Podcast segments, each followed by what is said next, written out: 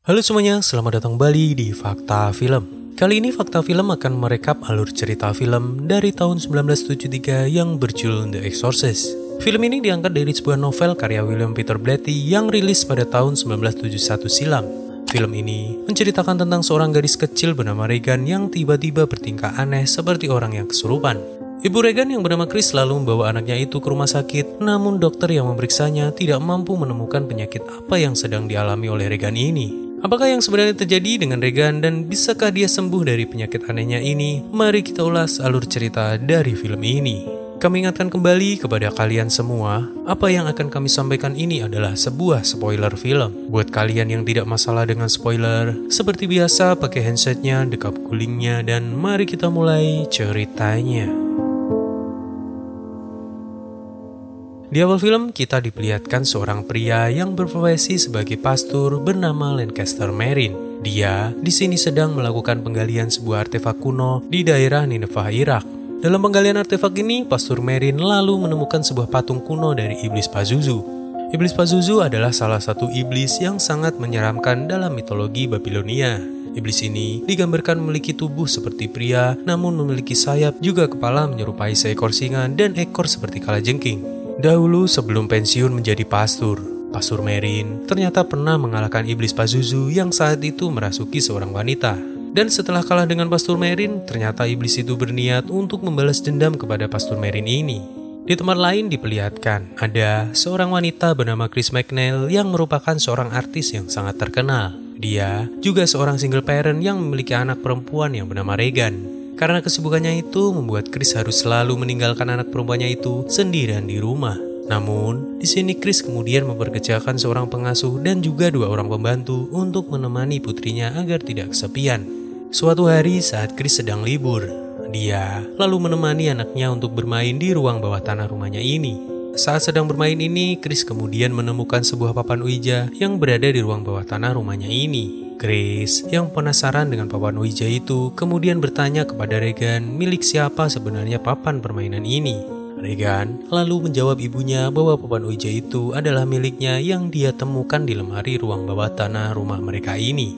Regan di sini kemudian bercerita kepada ibunya bahwa dia sering memainkan papan Ouija itu dengan suatu makhluk tak kasat mata yang dia beri nama Kapten Howdy.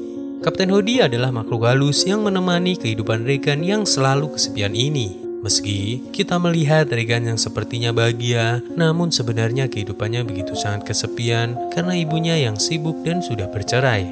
Keadaan itu membuat Regan merasa sedih dan juga kesepian. Hingga datanglah iblis Pazuzu ini melalui papan Ouija itu yang mendekati Regan seolah-olah dia adalah temannya bernama Kapten Howdy. Regan yang seorang ateis membuat dirinya begitu mudah untuk dimanfaatkan oleh makhluk halus ini, hingga makhluk itu begitu mudahnya membohongi Regan dan juga mengecohnya. Suatu malam saat Chris sedang tertidur, dia lalu terbangun karena mendengar suara telepon di rumahnya berbunyi. Dia lalu melihat anaknya Regan yang sedang tidur di sampingnya. Chris kemudian bertanya kepada Regan mengapa dia bisa tidur di kamarnya ini. Mendengar pertanyaan ibunya ini, Regan lalu bercerita bahwa kasur miliknya selalu bergerak sendiri dan keadaan itu membuatnya tidak bisa tidur dengan nyenyak. Chris di sini kemudian berpikir bahwa anaknya ini kemungkinan hanya berhalusinasi saja. Keesokan harinya terlihat Regan kemudian dibawa oleh ibunya ke rumah sakit untuk diperiksa. Di sini, kita bisa melihat bahwa tubuh Regan perlahan-lahan telah diambil oleh iblis Pazuzu yang mengaku sebagai Kapten Hodi itu. Terlihat Regan seperti sedang menyenandungkan sebuah lagu dan juga berkata kasar kepada dokter yang sedang memeriksanya itu. Chris kemudian diberitahu sang dokter bahwa Regan ini mengalami gangguan saraf yang biasa dialami oleh anak seusianya. Dokter di sini juga menjelaskan bahwa Regan sepertinya juga stres dengan keadaan yang selama ini tengah dia alami. Mendengar perkataan dokter ini, Chris merasa tidak percaya dan lalu mengajak Regan untuk pulang ke rumah. Malam hari pun datang. Terlihat, Chris yang sedang mengadakan pesta di rumahnya lalu dikagetkan dengan tingkah Regan yang sangat aneh. Chris yang tengah mengobrol dengan teman-temannya lalu didatangi oleh Regan yang berkata kasar dan buang air kecil di ruangan pesta ini juga. Melihat kejadian itu, Chris merasa malu dan kemudian meminta maaf kepada teman-temannya ini. Dia lalu mengajak Regan untuk masuk ke kamarnya kembali. Sampainya di kamar, Chris kemudian memandikan Regan dan menggantikan bajunya. Regan lalu bertanya kepada ibunya apa yang sebenarnya telah terjadi dengan dirinya ini. karena semua yang telah dia lakukan tadi bukan seperti keinginannya sendiri. Setelah meminta Regan untuk beristirahat, Chris kemudian keluar dari kamar Regan ini. Namun, sampainya di tangga, Chris lalu mendengar teriakan Regan yang sangat histeris. Dia lalu bergegas kembali menuju ke kamar anaknya itu. Sampainya di kamar Regan, betapa kagetnya Chris mengetahui bahwa tempat tidur anaknya ini bergerak dengan sendirinya.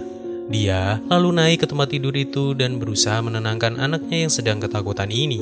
Pagi hari pun datang. Terlihat Regan kembali dibawa ke rumah sakit untuk menjalani pemeriksaan kembali.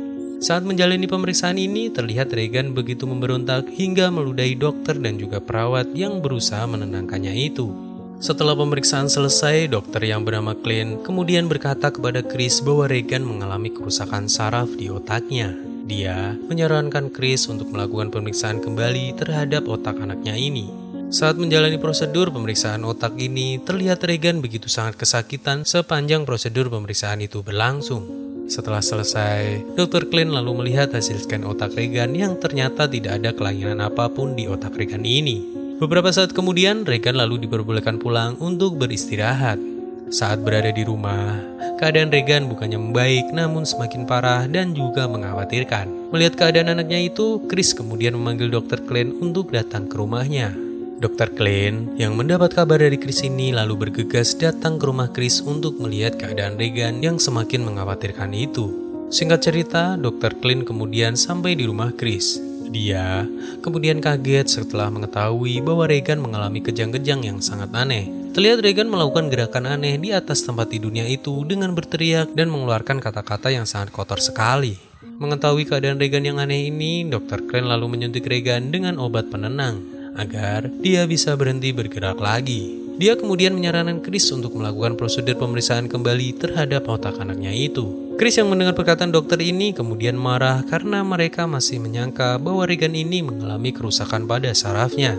Dia kemudian menjelaskan bahwa Regan telah mengalami perubahan kepribadian dan tidak seperti Regan yang biasa dia kenal. Setelah perdebatan yang cukup panjang dan melihat keadaan Regan yang semakin mengkhawatirkan, Chris kemudian menyetujui untuk dilakukan pemeriksaan kembali terhadap syaraf otak anaknya ini. Setelah prosedur pemeriksaan selesai, ternyata otak Regan tidak ada masalah dan keadaannya juga berjalan normal seperti biasanya.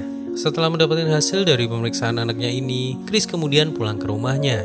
Sampainya di rumah, dia lalu mengecek keadaan Regan yang sedang berada di kamarnya ini. Sampainya di kamar anaknya itu, Chris selalu melihat bahwa jendela kamar Regan terbuka dan membuat udara kamar anaknya ini menjadi sangat dingin sekali. Chris kemudian bergegas untuk menutup jendela kamar anaknya itu. Dia kemudian berpikir mengapa para pengasuhnya meninggalkan Regan sendirian di kamarnya dengan keadaan jendela yang sedang terbuka. Beberapa saat kemudian, mengasuh Regan yang bernama Sharon terlihat datang ke rumah Chris. Chris lalu bertanya kepada Sharon mengapa dirinya tega meninggalkan Regan sendirian di kamarnya. Sharon yang mendengar pertanyaan majikannya ini kemudian menjelaskan bahwa tadi dia pergi sebentar dan meminta Bu Dennis untuk menemani Regan di kamarnya.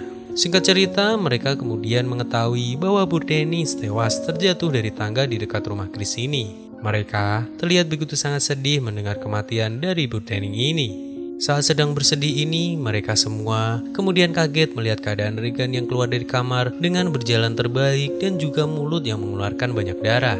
Setelah kejadian aneh yang dialami anaknya ini, Chris kemudian membawa seorang psikiater ke rumahnya berharap bisa mengetahui keadaan Regan yang sebenarnya.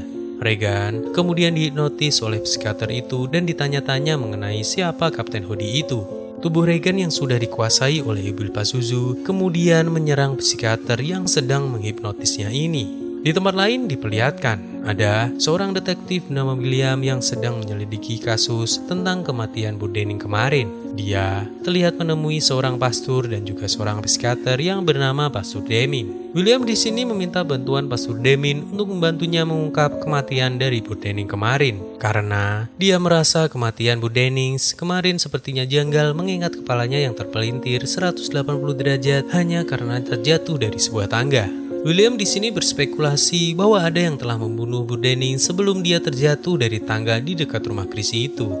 Keadaan Regan yang semakin parah dan tidak bisa dikontrol memaksa dokter-dokter yang merawatnya harus mengikat tubuh Regan di atas tempat tidur rumah sakit. Dia kemudian dikarantina dan juga diawasi oleh dokter-dokter yang sangat banyak sekali itu. Dokter Glenn dan para dokter lain terlihat menyerah mengingat keadaan Regan yang semakin memburuk dan tidak ditemukan penyebab penyakitnya ini. Dr. Klein lalu berkata kepada Chris untuk meminta tolong kepada pendeta karena sepertinya Regan ini telah dirasuki oleh iblis atau roh halus. Dr. Klein di sini lalu menjelaskan kepada Chris bahwa bisa saja Regan ini dirasuki oleh iblis atau roh halus mengingat dirinya dan anaknya adalah seorang ateis sehingga akan mudah dirasuki oleh iblis karena tidak memiliki suatu keyakinan. Di tempat lain diperlihatkan, William kemudian datang ke tempat Burdening terjatuh dan memulai melakukan penyelidikan terhadap kematian Burdening itu. Dia lalu menemukan sebuah fakta baru bahwa sebelum Burdening terjatuh, dia saat itu sedang berada di kamar Regan. Setelah melakukan pemeriksaan di tangga dekat rumah Chris ini, William kemudian datang ke rumah Chris dan bertanya tentang apa yang dia simpulkan tadi. Namun, William di sini merasa belum yakin dengan apa yang dia yakini ini. Setelah William pergi, terlihat Chris kemudian dikagetkan dengan suara gaduh yang berasal dari kamar Regan. Dia lalu berlari dan bergegas meriksa keadaan anaknya itu. Sampainya di kamar Regan, terlihat barang-barang di kamar anaknya ini berterbangan ke sana kemari dengan sendirinya. Dia juga melihat keadaan Regan yang sangat aneh dan juga menjijikan. Di sini terlihat kepala Regan mampu berputar dengan 180 derajat ke belakang karena telah dirasuki oleh iblis Pazuzu yang sepenuhnya telah menguasai tubuh Regan ini. Singkat cerita, Chris kemudian menemui Pastor Demin dan menceritakan tentang keadaan anaknya yang aneh itu. Dia lalu meminta Pastor Demin untuk melakukan pengusiran setan terhadap anaknya ini. Mendengar permintaan ke sini, Pastor Demin terlihat menolaknya karena ritual pengusiran setan itu memiliki risiko yang sangat tinggi. Namun, setelah mendengar keluh kesah Chris ini, akhirnya dia mau melakukan pengusiran setan terhadap anaknya itu. Sebelum melakukan prosesi pengusiran setan itu, Pastor Demin lalu mengumpulkan bukti-bukti terlebih dahulu agar mendapatkan izin dari gereja. Dia kemudian datang ke rumah Chris untuk melihat keadaan Regan yang sebenarnya. Setelah masuk kamar Regan, Pastor Demin lalu menanyai iblis yang sudah merasuki Regan itu. Di sini, Regan kemudian bercerita tentang ibu Pastor Demin yang baru-baru ini telah meninggal dunia. Padahal Pastor Demin tidak pernah berbicara ke siapa pun tentang ibunya yang baru saja meninggal itu. Beberapa saat kemudian, Pastor Demin kemudian berpamitan kepada Chris untuk pulang. Di sini, Chris kemudian memberitahu Pastor Demin bahwa Regan yang sebenarnya telah membunuh Bu Dennis kemarin. Singkat cerita, setelah mendapatkan bukti yang dibutuhkan, Pastor Demin kemudian meminta izin ke gereja untuk segera melakukan ritual pengusiran setan itu. Mendengar penjelasan Pastor Demin ini, pihak gereja kemudian mengizinkan Pastor Demin untuk melakukan ritual pengusiran itu terhadap Regan. Di sini gereja juga menunjuk Pastor Merin untuk membantu Pastor Demin melakukan pengusiran setan ini. Pastor Merin yang pernah menghadapi iblis Pazuzu dan juga mengalahkannya kemudian mengiyakan permintaan gereja untuk melakukan pengusiran setan yang akan dilakukan oleh Pastor Demin tadi terhadap Regan. Beberapa saat kemudian mereka berdua kemudian datang ke rumah Chris dan bersiap melakukan ritual pengusiran setan itu. Mereka kemudian membacakan doa-doa dan juga menyiramkan air suci kepada Regan yang mulai bergejolak ini. Ritual pengusiran setan yang berjalan sangat lama sehingga membuat para pastor ini kelelahan. Pasur Merin kemudian melanjutkan ritual itu sendirian karena takut jika nanti terjadi sesuatu terhadap Pasur Demin yang imannya sedikit tergoyah karena bujuk rayu dari iblis yang merasuki Regan ini. Singkat cerita, Pastor Demin kemudian datang ke kamar Regan dan dia di sini melihat bahwa Pastor Merin telah meninggal karena serangan jantung. Dia kemudian kesal dan lalu menyerang tubuh Regan dan meminta iblis itu untuk merasuki tubuhnya saja agar Regan bisa sembuh. Beberapa saat kemudian, iblis itu pun kemudian berpindah dan merasuki tubuh dari Pastor Demin ini. Sebelum kesadarannya menghilang, Pastor Demin kemudian mengorbankan dirinya dengan melompat keluar jendela yang membuatnya kemudian tewas. Setelah kejadian-kejadian yang mengerikan dan juga mengharukan tadi, Regan kemudian sembuh dan sehat kembali berkat pengorbanan dari Pastor Demin tadi. Chris dan Regan kemudian pindah ke Eropa menjalani kehidupan barunya dan film ini pun usai. Meskipun film ini sudah dirilis lebih dari satu dekade lalu, tapi menurut kami, film ini masih sangat layak ditonton di tahun 2001 ini. Film ini Memang tidak memiliki jump scare dan juga sosok hantu dengan wujud yang menyeramkan, namun film ini pernah menjadi film horor terbaik di masa penayangannya dulu. Secara keseluruhan, kami memberikan nilai sebesar 7 per 10 dari alur cerita yang tersaji sepanjang film ini berlangsung. Terima kasih buat kalian semua yang telah mendengarkan alur cerita film ini dari awal hingga akhir. Buat kalian semua, jangan lupa subscribe dan nyalakan loncengnya. Sampai ketemu lagi di video horor selanjutnya.